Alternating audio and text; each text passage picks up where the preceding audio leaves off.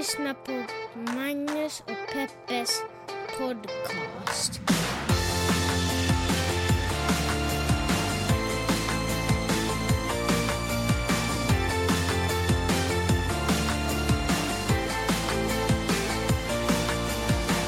Hallå internet och hjärtligt välkomna till podcasten som heter Magnus och Peppers podcast. En liten podcast där vi pratar om stora och små händelser i världen och så gör vi det ur ett journalistiskt, feministiskt och mediegranskande perspektiv. Och hej också till Clubhouse där vi av någon anledning har börjat sända. Peppe, varför sänder vi live på Clubhouse? För att det är lite spännande och kul. Det är som att, det, det är som att när man är ett par, det är det här eller gå på swingersklubb. Ja, ah, just det. Det är så här vi trissar upp vårt sexliv. Ja. Välkomna, ni är en del av vårt förspel.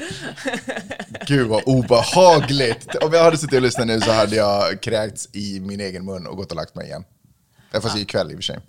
Hörni, ja, vi, precis, vi finns ju alltså på Clubhouse just nu, så, vilket betyder att om ni känner att ni vill delta i diskussionen eller bara hoppa in, eh, make yourself heard, så ska ni få vara med. Det finns också ett annat sätt att höra av sig till oss, nämligen på magnuspeppersnabel.gmail.com. Jag bara kastar ut det där, gör vad ni vill med den informationen. Ska vi också ändå säga, när vi ändå håller på att rabbla eh, liksom administrativ fakta här, eh, att eh, man betalar ju för den här podden. Eh, och jag vet, det, det är tre dollar ungefär, 30 kronor. När jag skrev det på bloggen, då någon som sa kursen ligger faktiskt på så fem dollar ungefär. Men är det fem 40 dollar? Kronor. Är det fem dollar det kostar i månaden? Ah, fan, alltså, jag borde aldrig ha sagt någonting. Men podden kostar, så är det så att ni gillar det ni hör och tycker att det här är ju någonting som vi ska fortsätta supporta, gör som väldigt många andra. Betala för podden. Och det gör man på Paypal. Ni hittar länken på, min Insta, på mitt Instakonto, eh, snabel, alltså Maggie, vad heter jag? Maggie Sockman.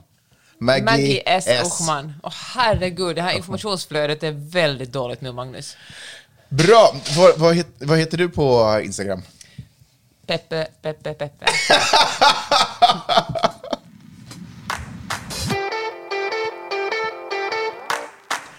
Okej, vi ska 100% dyka in. Det känns som att det är ett jättelångt intro nu, men det är faktiskt också vår sons födelsedag idag. Ja. 11 år! Vad hände Peppe? När, när, när fick till exempel jag en kulmage? När, när blev vi tvåbarns... Alltså vad hände? Tiden, Magnus. Alltså jag blinkade och dessförinnan så var jag eh, ung och framgångsrik och bodde i Helsingfors. Vad har du gjort Men, med eh, mig? nej, men sen tog jag det till LA, Ja. gav det ett annat barn. Och, eh, nej men ärligt talat så, det är ju sinnessjukt att det är 11 år sedan Vidde föddes, men vet du vad som också är otroligt sjukt? Mm. Nej. Att vi kände varandra så jättekort tid Ja. innan vi fick barn. Nej, men vi har ju typ känt varandra i 11 år också. Ja. Vi lärde känna varandra Det var en shotgun under de där wedding. fem minuterna som vi gjorde vidare. Men det är, jag har också tänkt på att han, eller egentligen så slog tanken med här nu för någon dag sedan att eh, Vidar är ju finländare, kan man väl säga. Det kan man väl ändå det- säga. Så identifierar han sig själv i alla fall. Eh, I tre år så levde han i eh, Helsingfors, Mm. sprang omkring på Helsingfors gator. Och eh, sen dess så har han sprungit omkring på Los Angeles gator. Eh, Mm. och nu är han liksom, det är ju majoriteten av hans liv. Alltså han är ju inte längre finländare egentligen. Han är som alla andra amerikaner som typ säger att de har ett heritage någon annanstans Ja, just det, det älskar verkligen amerikaner göra. De Han, bara, granted att han är, faktiskt är född någon Ja. annanstans. Men, Men, eh, men vi, alltså jag tycker det inte är så noga med han tänker sådär- på engelska. Men, jag, nej, men det, här, det här hoppet att helt plötsligt är vår historia... Jag känner nästan som att all min historia med mina förfäder det är lite utraderat nästan nu. Vi börjar med- från noll, liksom. I och med hans generation. För han börjar liksom lite, ja exakt. Ja, men sånt är livet. Alltså jag känner mig inte så... Nej, men jag blir Men absolut inte känner du ingen sentimental. panik för det? Nej, nej, men jag, jag förstår vad du menar. Det är liksom intressant att tänka så. Men jag känner liksom ingen sentiment, sentimentalitet kring det. Jag bara, ja, det var det. Det var Finland och för det kanske det var Sverige. Nu Mm. går vi vidare i livet. Sen kanske det blir någonting helt annat. Jo, dig och mig, fine, för vi har ju ändå fått uppleva de här länderna i liksom, eh, som fullvuxna människor och kunna förstå fördelarna med det systemet. Vi har, kunnat levt, liksom, vi har levt oss in i det systemet. Det har ju inte han gjort. Han kommer ju aldrig, kommer han egentligen någonsin på riktigt att förstå hur fantastiska de här länderna är? Ja, men han kommer ju att se det varje sommar. Han älskar, det finns ingenting vidare älskar mer än Finland och Det känns Sverige. inte som att du riktigt förstår mig på min våglängd nu. Ja, men ja, kanske inte. Att han inte, att han liksom inte upp, han får inte det i blodet Han på får samma den sätt. amerikanska kulturen. Ja, han får den Ja. amerikanska kulturen i Men blodet. jag sa att, det för att, att jag inte, alltså, ja, men, jag känner ingenting starkt kring det. Jag känner inte att vi har förlorat någonting eller något sånt. Men äh, Ja, ja, jag kanske bara kall och hård, men Ja, nu det är är det så här. Jag tror att du... Utvandrarna, det är vi, Magnus. Ja. Vi vill ge ett bättre eller ett sämre liv åt våra barn. Vi vill ge ett sämre liv åt våra barn som flyttar till USA. On the Ett upside, dyrare liv. on the upside, det som eh, jag ser fram emot att få höra, det är när vi där blir vuxen, eller så där växer upp och blir en stand-up-komiker. Eh, och så står han på en scen och så drar han en historia om hur hans föräldrar kom hit med ungefär ingenting i fickan och de byggde upp alltihopa. Och sen har han kunnat förvalta det på något sätt, på ett bra sätt. Jag ser fram emot de historierna, hur vi är de här, att vi, det känns nästan som att vi kanske kom på Mayflower-båten. Typ, ja. Ja, vi kanske la till vid Ellis Island och skrev in oss och fick ett nytt efternamn. För att de... Vet du vad vi på riktigt kom med? Nej. Aeroflot.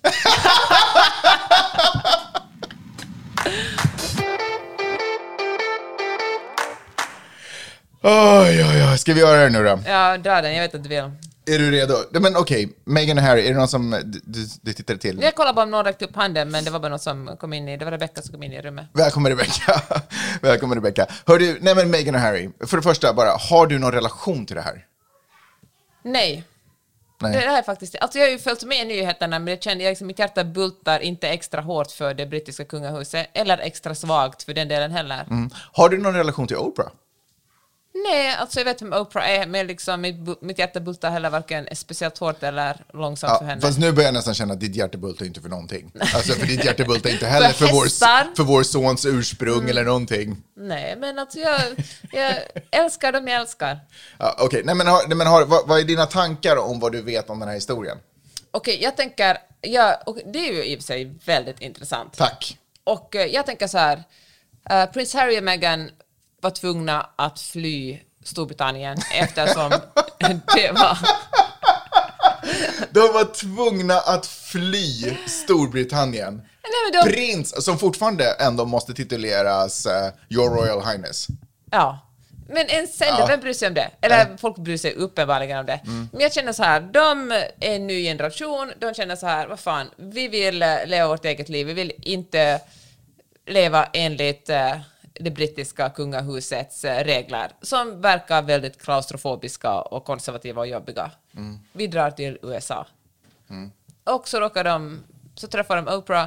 De är också, de är också utvandrarna. Ja, de är också, de är som vi. Och- Och så träffar de Oprah. Exakt. Så bara, de var ute och gick, precis som vanliga människor gör i LA. Och så bara träffar de Oprah. Nej, men de rör sig väl i samma kretsar antar jag. Okej, för er som av någon outgrundlig anledning har missat det här så för ungefär en vecka sedan så sände CBS Morning sände ett specialintervju, jag tror att det var CBS Morning, CBS var i alla fall kanalen som sände en specialintervju. Oprah, in, Oprah Winfrey intervjuade eh, Prince Harry och eh, vad hon nu är, Duchess of eh, Meghan. Alla vet det, här, det behöver inte Två och en halv minut. Det som var förstås, eh, det som lyftes fram under intervjun som har bara fått världen att rämna. Det är ju rasismanklagelser riktade mot det brittiska kungahuset. Och det är ju också det, det kalla i den kungliga familjen när de inte tar Megans psykiska ohälsa på allvar. De två sakerna är ju de som har verkligen fått... I USA, rasismen är ju absolut det största. Här är folk otroligt upprörda över att Is the Queen really a racist? Ja, det där var ju... Ser man inte i USA Ser man inte i kanske. USA, om man inte, om man inte har En utvandrat. britt som också tycker det är jobbigt med rasismen i Storbritannien och kommit till USA. Men ändå ett bra uttal på min Ja, ja, brittiska. verkligen. okay. Yo, is the bread real, is the queen really a racist? well, I'll be damned. Ja, i alla fall. Och i, Storbritannien så känns det som att det stora eh, är där. Och också rasismanklagelserna förstås, men också psykiska ohälsan har inte gått o... Eh, Vad heter det? Onoterat förbi. Eh, det blev, ju kaos i till exempel en brittisk morgonstudio där programankaret Morgan Pierce. Pierce hamnade i en hetsk de- diskussion. Pierce Morgan. Nej. Pierce Morgan, ja. Morgan Pierce. det låter som ett t-shirtmärke. Ja, okej. Eh, eh, hamnade i en hetsk debatt med en, eh, en co eller en inbjud, ah, skitsamma, en annan dude i, i showen. Som var biracial måste man ju säga. Som var biracial, okej. Om det är relevant för det här, vilket fall som helst.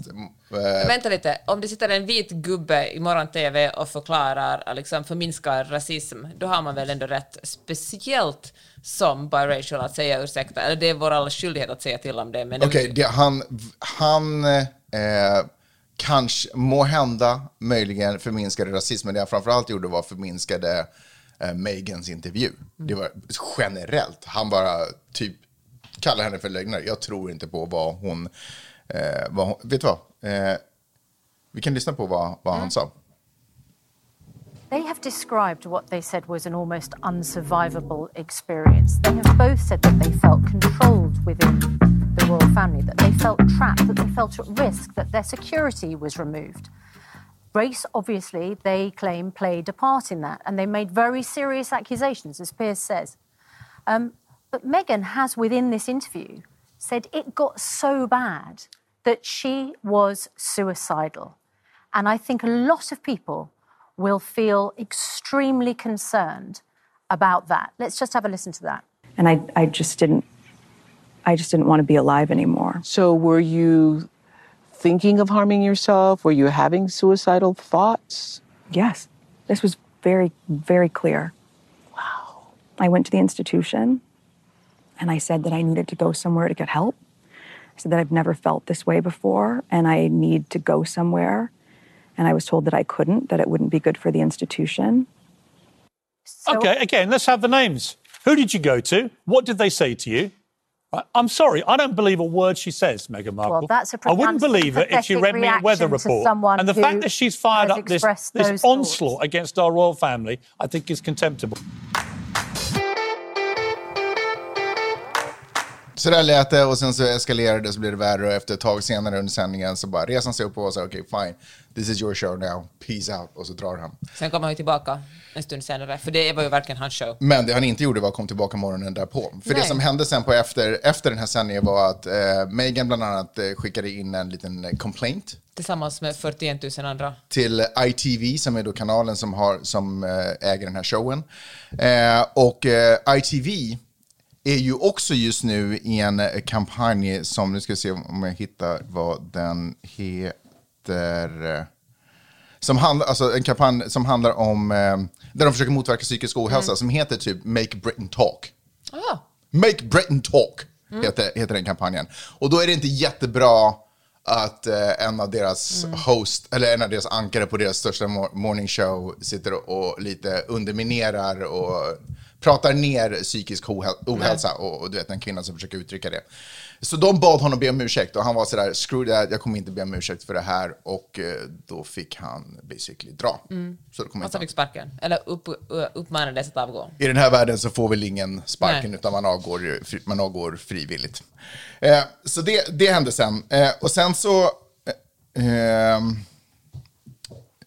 och Ro- Royal, The Royal Palace har också gjort något av det mest oväntade och ganska unikt. i att de faktiskt har kommit ut med ett statement.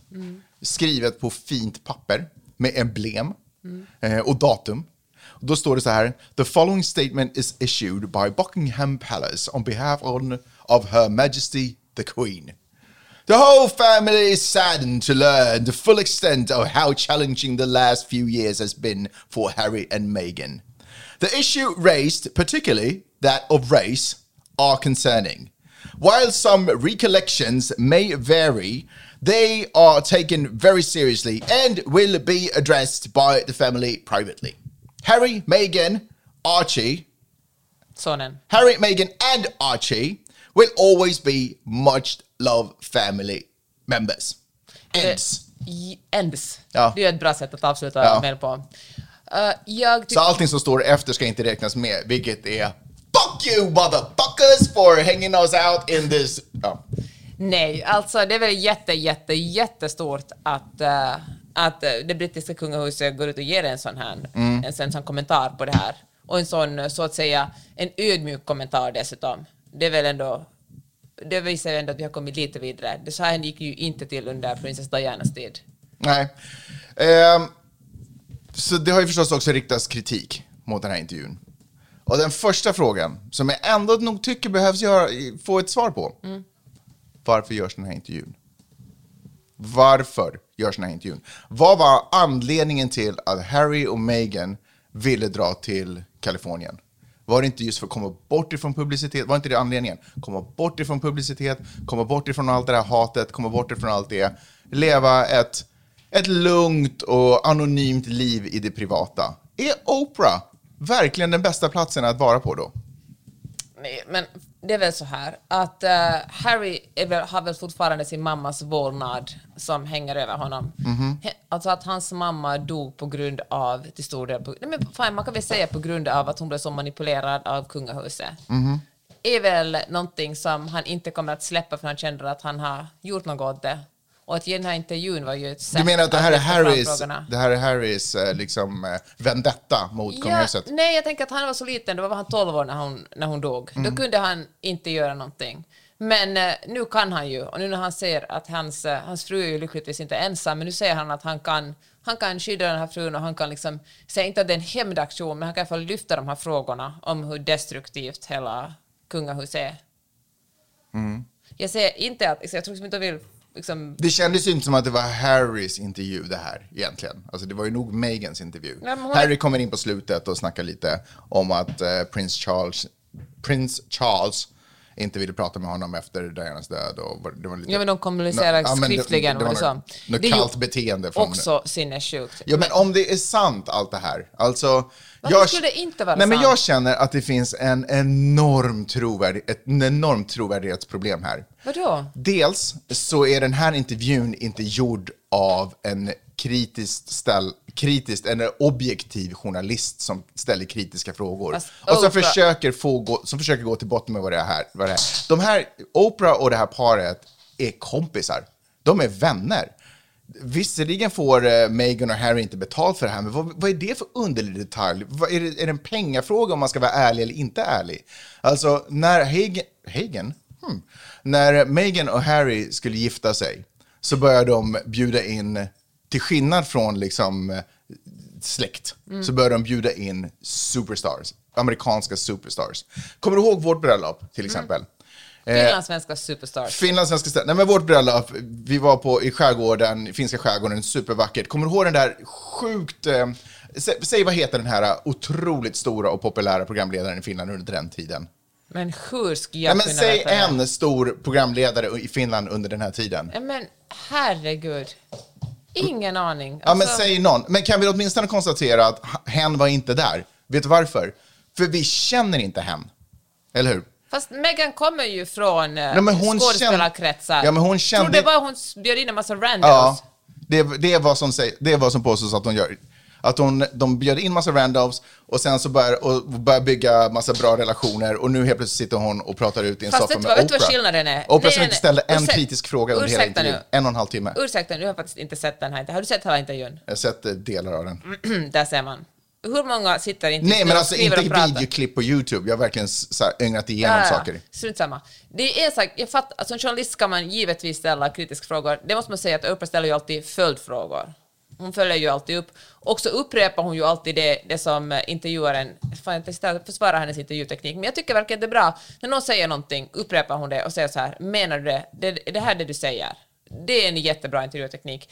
Att ställa följdfrågor, det måste man göra, det gör hon. En kritisk intervju, okej om det här CBS hade bestämt sig för nu ska vi granska Meghan och Harry. Nu granskar vi dem, nu gör vi ett reportage. Men Vi man kan- talar, vänta, vänta! Ja. Vi talar med folk från annat håll också. Vi talar med, vi försöker få tag på någon representant från kungahuset, någon säger nej, men vi gör i alla fall ett försök. Vi talar med den här och den här och vi, vi gör ett helt reportage om det. Då är det en kritisk intervju. Det här är inte en sån sorts intervju. Det här är en, en eh, intervju som intervjuar en kändis. Förstår Det här- Det finns olika sorters intervjuer. Det här är ju intervjun där kändisen kommer och pratar ut helt, ifrå, helt, oifrågad, eh, helt eh, oifrågasatt. Eh, där som där min- hen får bara spy ut vad som helst och, och slänga vilka anklagelser riktade till höger och vänster. Tur att vi inte, alltså, att vi inte var på kartan, för vi hade ju också kunnat få ett varför- Alltså det måste ju ställas motfrågor och det måste ju på något sätt bekräftas innan om, om, det, om det är så här enormt media, jag vet inte hur många Fast miljoner som såg den. Meghan har ju verkligen inte gått emot oemotsagd.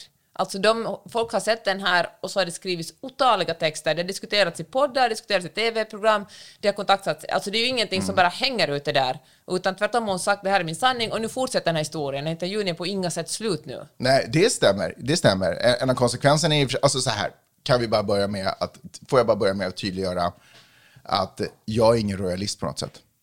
Jag kan inte bry mig mindre om det kungliga och det brittiska kungahuset existerar eller inte existerar. Allt det där är dumheter för mig.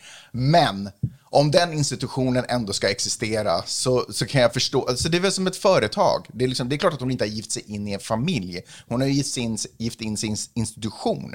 Och diskussionen om huruvida den här institutionen historiskt eller traditionellt eller kanske till och med nu är rasistisk är väl ett självklart ja på den. Alltså, vem är inte... Ska hon liksom gå in i det och acceptera att bli utsatt för rasism för att man vet att eh, brittiska det- kungahuset liksom är ett kolonier och har ett uppenbart rasistiskt, eh, alltså det sitter ju, vi är ju alla, alltså det är ju rasistisk struktur, hela, Ja, hela exakt. huset Så det är klart att alla är... Men det är ju inte bara det Grunden huset. är ju liksom- Vi lever ju alla i en rasistisk struktur. Så jag kan ju... Men, Men nog- då ska man säga att någon som är liksom, ja du borde aldrig gett dig in i den här världen, Ja, för den här 100%. världen är rasistisk.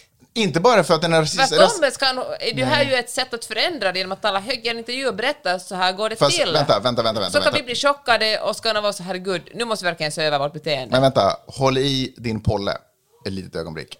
Därför att det finns ju två olika rasismer jag nu pratar om i det här kungahuset. Dels så, när det till exempel har pratats om det i poddar och talkshows och sådana saker så är folk så här, dö, det är klart den är rasistisk, kolla vad Henrik den femte gjorde, ish. Du vet. Man bara, men det var väl ändå något hundratal år sedan. Liksom. Ska vi verkligen hålla på att dra in slaveriet i varf- eh, som ett argument för varför det kungliga huset idag, eller det brittiska kungliga huset idag, är rasistiskt? Det är ju liksom inte rimligt.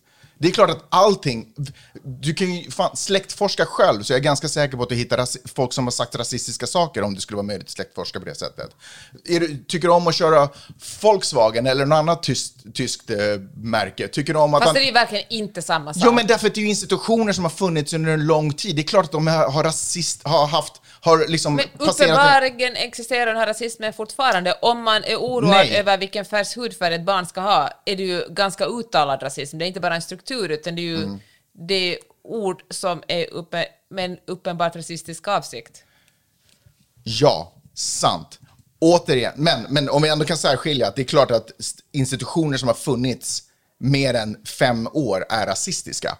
Har, har, har- har passerat genom rasistiska perioder och epoker. Man kan ju ändå komma ur den strukturella rasismen i, i den institutionen. Kan du nämna någonting? Vem har kommit ur den strukturella rasismen? Nej, men jag skulle vilja våga hoppas att till exempel ett företag som Siemens inte längre har nazistiska sympatier. Eller Volkswagen inte längre har nazistiska sympatier. Man kan Men de väl är ju ändå... fortfarande en del av en rasistisk struktur. Jag antar att någon som har liksom ett annat Ja, som- namn som inte låter västerländskt har Så du menar att vi ska undvika företag som har existerat sedan eller innan Nej, 40-talet? jag menar bara att Meghan tog upp ett, ett problem. Hon var att okej, jag upplever att det här, jag blir utsatt för rasism, jag vill tala högt om det. Nu får ni en chans att tänka över ett beteende och kanske förändra det. Jo. Att bara vara tyst och säga sådär, ja, ja, men det, du visste väl Men vad du gav dig in i. Det är väl inget sätt att utveckla världen på. Fast jag tycker ändå lite så här, om, om det finns problem med familjemedlemmar, eh, om, vi också, om vi nu ser det då som en familj, om det finns ett problem med familjemedlemmar i nutid eh, som uttalar sig rasistiskt, då tar man väl det med den familjemedlemmen och säger, vad, fan, vad säger du? Har du blivit helt jävla galen?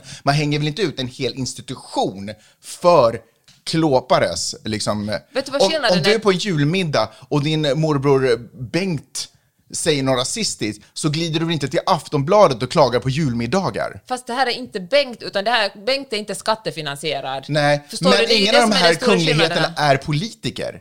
De representerar en institution. Deras jobb är att glida Som runt och det- klippa band Ja, och men det är säga inget good företag. morning. Det är ju något som hela det brittiska folket betalar för. Ja. Och de, de är intresserade är av inte vart deras pengar går. Jo, De- men- de, tvärtom är det ju här en institution som ska bli kritiserad och Okej, granskad. fast Så Meghan jag- gjorde ju bara sin plikt. 100 procent. Men om vi Hon inte tar tag i de här... amerikan, men... Men om vi försöker, om vi låtsas att det här är ett institutionellt problem, då tycker inte jag att det stämmer. Jag håller inte med om att Kungliga huset är en rasistisk institution.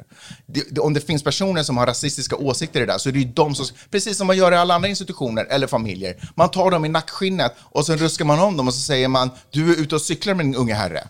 Så gör man med rasister. Man håller inte på att döma ut en hel institution för att det finns rasistiska Men för inslag. du tror att, att ett, det här lilla inslaget var bara ett enskilt isolerat, en enskild isolerad kommentar. Det Så- finns ingenting som genomsyrar hela huset, en, hur, till Ja, så- exempel synen på hur ett barn ska se ut som föds in i familjen. Mm. Harry var ju till exempel ganska tydlig med att säga att det, de som, den som kom med uttalandet var inte drottningen eller hennes snubbe.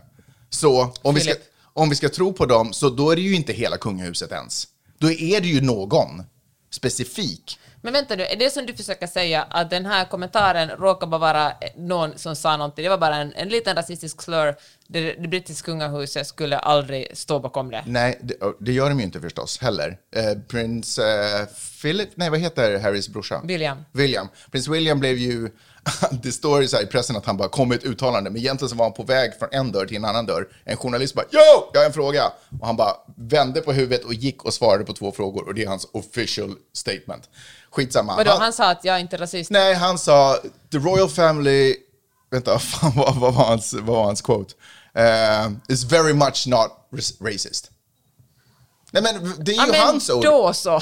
Nej men vänta nu, vänta. Men Va- varför varför är hennes ord så mycket tyngre? För att hon är svart, herregud. För det första hon är hon väl- biracial. Men hon, herregud, vad betyder det ens då? Är Det du, betyder att hon inte... Men vad, vad betyder... Vad, vad pratar du om? vad fan finns det, ska man sitta med någon slags färgkartor och bestämma vem som får uttala sig om rasism och inte? Och liksom, må- måste hon vara liksom... Nej.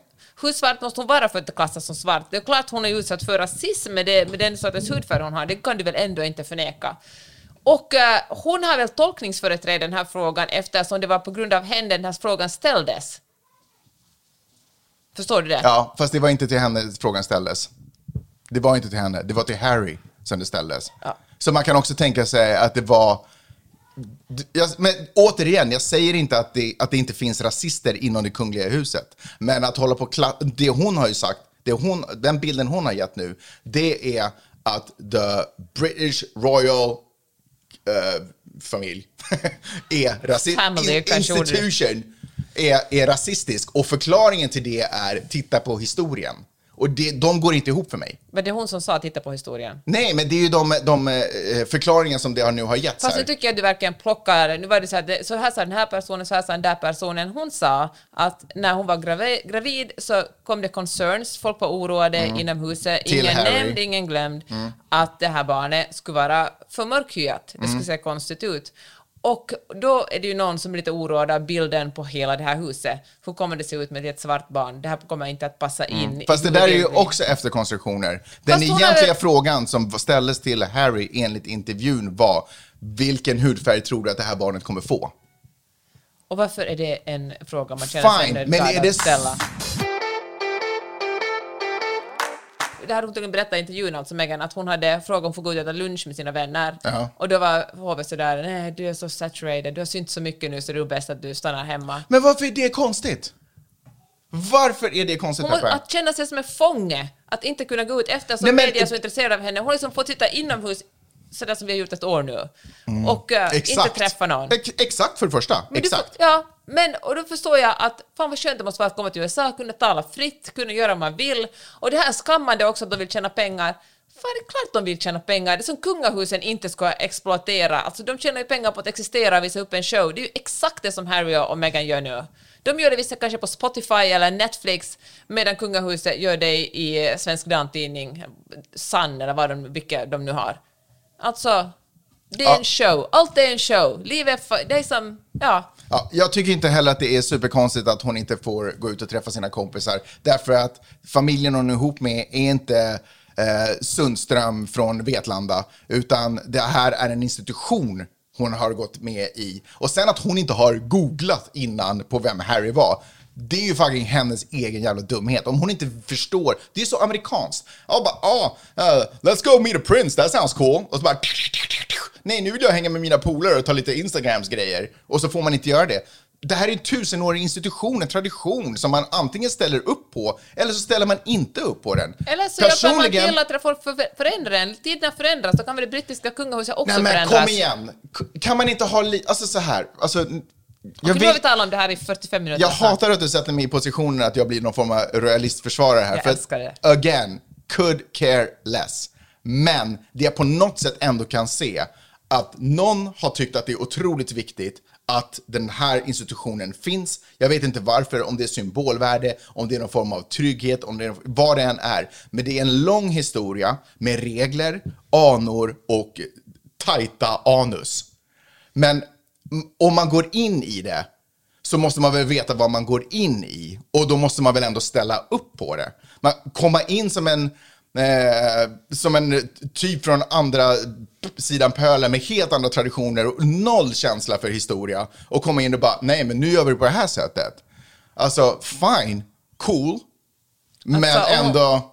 Om hon kom in och mådde så dåligt av det att hon till och med, till och med övervägde Men självmord. det är klart man mår dåligt av att gå in i en sån institution, men det måste man väl fatta innan när man ger sig Men in vad i fan, den. det där argumentet går ju att ha på varje kvinna i världen. Nej, men man fattar nej, ju att det nej. du... Alltså För varje världen kvinn- är... Alla nej. män är ju sexistiska. Du måste väl fatta att du går in i ett äktenskap och du kommer att göra merparten av det oav, oavlönade hushållsarbetet. Du måste ju fatta att du aldrig kommer att komma lika långt om Nej. du inte jobbar dubbelt så. Nej, men Herregud! det är inte samma. Varför lever du ens För det första, hon sattes aldrig vid spisen. Hon har aldrig gått och torkat damm. Hon, all, hon fick inte gå och träffa sina polare därför att det kanske inte riktigt var läge, därför att institutioner försöker upprätthålla någon form av rykte och någon form av myt kring vad de egentligen är. Och det faktum att hon inte skulle ha fått, att hon inte skulle ha hörsammats för att hon, eh, eh för sin psykiska hälsa och att hon behövde komma iväg, det stämmer inte. För hon skickades till Sydafrika på sex månader och fick chilla, chillaxa runt. Hon kommer anklagas om att de tog hennes pass som om hon var någon båtflykting som var intryckt i en jäkla container och körde över pölen och kidnappade av det kungliga huset. De behövde borderline ens säkert ha henne där. Och att de skulle ha tagit hennes pass är bullshit. För hon behöver inte ens ett pass, för hon är diplomatiskt skyddad. Så hon har gjort 13 utlandsresor efter sitt pass blev taget. Om det nu blev taget. Alltså det är så mycket underligheter i den här historien som får mig att bli royalist. Nej, jag skojar bara. Nej, verkligen inte så.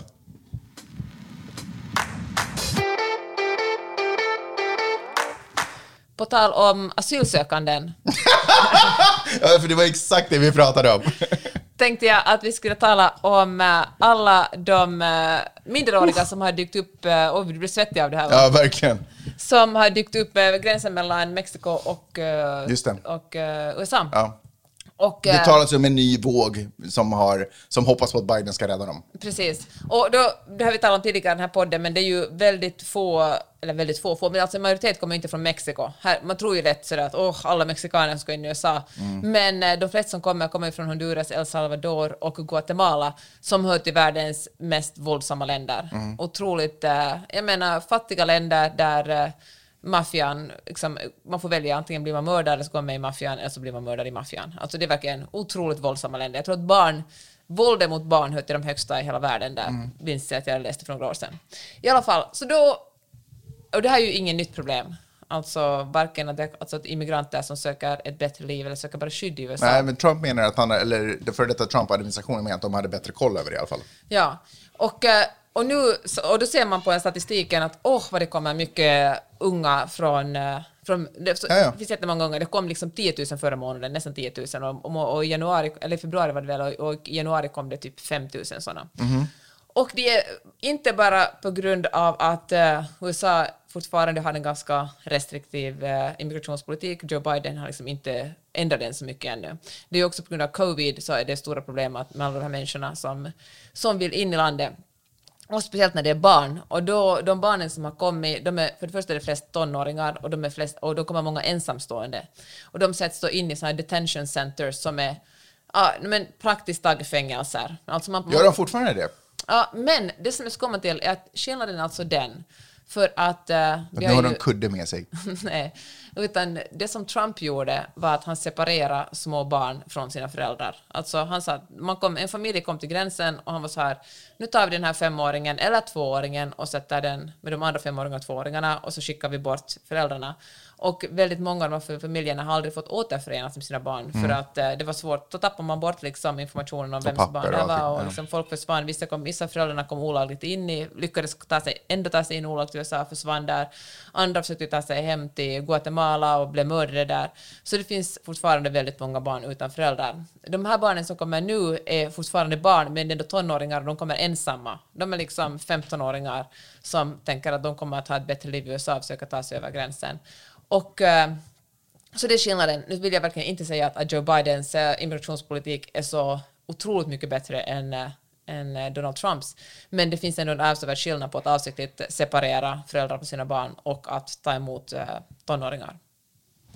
Så nu försöker man eh, hitta släktingar åt de här tonåringarna i Mhm. USA och man försöker se vad man kan göra för det är också det är svårt, men på grund av covid och, och lagstiftning så är det inte en önskvärd situation. Nej. Det som man också jobbar på förresten är det att göra det möjligt för de här barnen att eh, söka asyl i sitt eget land så de inte ska behöva komma, ta sig ända fram till gränsen. Det är också en otroligt eh, farlig resa att ta sig genom hela Mexiko. Ofta reser sitter man ju på liksom La Bestia kallas det, alltså tåg, frakttåg som går genom hela Mexiko och då klättrar man upp på, på taken till de här eh, tågen och sitter där dag och natt, och åker igenom. Det är ju otroligt mycket våld, alltså det är så här att uh, unga kvinnor, för det är ju allt mer kvinnor, allt fler kvinnor som kommer och gör den här resan också, de börjar äta p-piller för att de vet att de kommer att bli våldtagna under vägen, så då blir de åtminstone bara våldtagna, de får liksom, blir inte våldtagna och gravida. Så det är verkligen, ja men det är en sån fruktansvärd verklighet att man knappt kan föreställa sig den. Mm. För inte så länge sedan så var ju den stora skandalen att eh, typ ett hundratal eh, personer som hade kommit över gränsen hade testats positiva för corona och sen släppts fria in i landet. Och att den då spreds bland konservativa medier som superspreaders. Liksom. Att så här är Biden... Eh, Biden-strategin. Men det är ingen snack om att där, bara för att Biden kom, precis som du sa, bara för att Biden kom in så är det nu guld och gröna skogar vid gränsen och att allting fungerar humant och perfekt. Och, alltså, de har ju ett sjukt stort problem med eh, med sina grannländer och, och, och flyktstormen där. Och det faktum är att det är så många och det är bara svårt att sätta upp en administration som kan ta hand om det. Men däremot så tycker jag att det är ändå lite konstigt att de inte, trots alla dessa decennier eh, av att det har pågått, eh, att de inte har lyckats sätta upp eh, en administration som tar hand om asylsökande. För det är klart man måste ha rätt att söka asyl om man flyr, till skillnad från Harry och Meghan. Om man flyr från ett land till ett annat så är det klart man måste ha rätt att söka asyl. Det måste ju vara en mänsklig rättighet. Eh, men eh, de har bara inte lyckats göra det. Och det får mig också lite att tänka på att det finns en anledning, alltså att det finns en poäng med att de inte har lyckats göra det. För att det, alltså det finns säkert någon som tjänar massa pengar på det, på den jävla vänster. Inte jag. Många av de här detention-centren som Trump hade sina barn på, antagligen gäller det fortfarande, Ja, de är privata. privata, ja, precis. Så det Ja. Mm. fin- finns ju otroligt mycket pengar att tjäna på det. Men det är väl samma sak som pågår i Sverige. Vad heter han den där Bert Karlsson? Han är väl också en massa privata flyktingförläggningar som staten betalar honom för. Bert Karlsson, heter han inte nu är du fan ute och cyklar. Pratar du nutid eller pratar du jag- decennier bakåt? Nej men, eh, ja, vi får Ja, kolla upp det. skitsamma. Ja. Ja. det är ja, Men eh, det, som, det, som, det som Biden också talar om just nu är att Ja, du försöka- pratar om den här Sveriges rikaste sosse, han som var med i Robinson också, som hade flyktingförläggningar. Nej, han hade också den Ja, där okej. Emanuel. Emanuel, ja, just det, Men ja. jag menar faktiskt också Bert Karlsson. Jaha.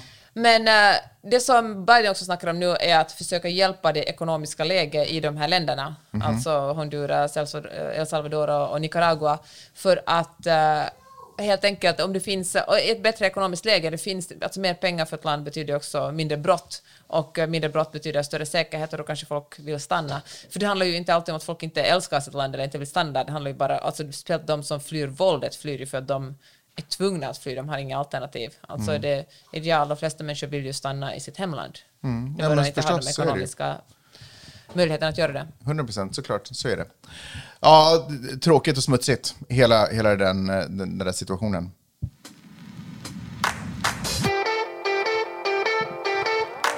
Jag känner att vi har kört ganska länge. Jag skulle runda av med en liten sak. Eller du ville säga en sak? Jag tänkte ändå dra en grej. Okej, men gör en, gör en riktig sak då, så är jag ro, Okej. rolig sen på slutet. Okej. Så här, är inte det här exakt som vår relation Ja, fungerar? att du drar din grej och jag är rolig på slutet. Ja, jag drar det viktiga. Ja.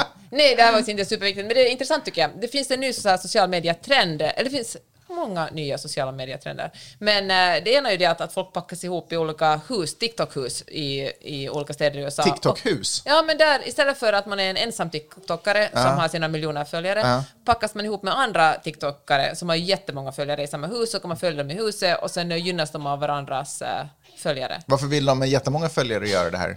Alla har många följare. grej. Alltså alla, se, för du ska förstå det här Magnus, så har alla exakt fem miljoner följare. Och sen de delar av sina följare så får de ännu fler följare. Ja, ja, ja, ja, ja. Det är inte Just det, för alla har inte samma fem miljoner. Nej, precis. Wow, wow! Och sen producerar de tillsammans. Vi borde göra någonting, Peppe, vi borde göra någon collab så att vi kan få följare av varandra. Ja, det borde vi kanske göra. Ja. Vänta lite. Barn, kan ni vara tysta? Tack. Och det är snart slut. Men nu finns det en ny trend där man kan köpa en människa, alltså man kan eh, betala en eh, influencer för att göra någonting. Så här. Man säger att är influencern är, vad ska jag på mig för tröja idag? Och så kan man vara så där. Vi vill att du ska ha den gröna tröjan, ska man köpa för att rösta på den gröna tröjan. Och, typ som eh, skins liksom, i tv-spel. Ja, fast på riktigt. Ah, Okej. Och, eh, eller så kan man vara så här att eh, vad ska jag göra idag? Ska jag spela tennis eller ska jag spela dodgeball eller ska jag bara ligga på sängen? Och sen kan användarna rösta, betala för att rösta. Och så kan man få känna att man kontrollerar en andra människas liv. Och den här influencern säljer stunder ur sitt liv. Skaffa barn. Mycket enklare. Du bestämmer vad de har på sig, vad de ska göra. Du har full kontroll. Och billigare. Och billigare. Men, ja, ish. och de här influencerna kissar ju inte i en säng ifall man nu verkligen inte vill göra Sant, så det är också en bonus med barn. det. Ja. Men eh, ifall man är sån som tycker om sånt. Men jag tycker bara att det, hela det fenomenet är så, och nu med risk för att jag verkligen låter jättegammal, men hur eh, man, alltså det blir som narrar. Vet du? Det blir som medeltidens narrar. Mm. Ja. Man bara dansar för mig, jag kastar pengar på dig. Och vet du vad som är roligt? Att de ändå glider runt och känner att de är ascoola. Jag vet, Och gör jag det. vet. Jag Fast tänkte de också på det. bara är liksom Ja. puppets. Liksom. Ja. Gör så här, gör så här, gör så här. Och fine, de får pengar, men det är liksom utbytet. De, Ja. har, de har sålt all sin värdighet och så får de lite dollar. Så ska de köpa feta halsband eller bo i stora hus. Men ingen, liksom noll värdighet kvar. Era företag köper deras åsikter. Liksom det, Alltså det är som någon form av social, eh, eh, social prostitution. Alltså att Ja, det, men, ja. man har, alltså det är väl också bara en tidsfråga innan man kan börja kontrollera så och betala för att få folk att göra Fast det är väl Onlyfans som jag, gör jag det. vet inte. Jag, Det är väl exakt jag är vad inte, det är. Jag är inte där Du bara än. låtsas, du bara... jag är inte där än, men gå inte in och kolla om du hittar mitt namn. Ja, nej men, eh, och jag vet, alltså, jag tycker så här, vet, när eh, bloggare kritiserades för och tyckte att, det var, att bloggare var töntiga som Mm. skrev blogg, då var alla så här att ja men det är kvinnor som bygger upp eh, företag och äntligen tjänar kvinnor pengar och då ska de, att man kritiserar dem bara för att de får betalt. Men, eh, men så, men och, och, fine, bra. Men jag tycker det är också en väldigt så här, kapitalistisk syn på att så länge någon tjänar pengar är det någonting som är rätt där. Det är väldigt eh, sorgligt att det är så. Det jag, eh, jag kan inte de här unga människorna istället bara sitta och skriva poesi eller...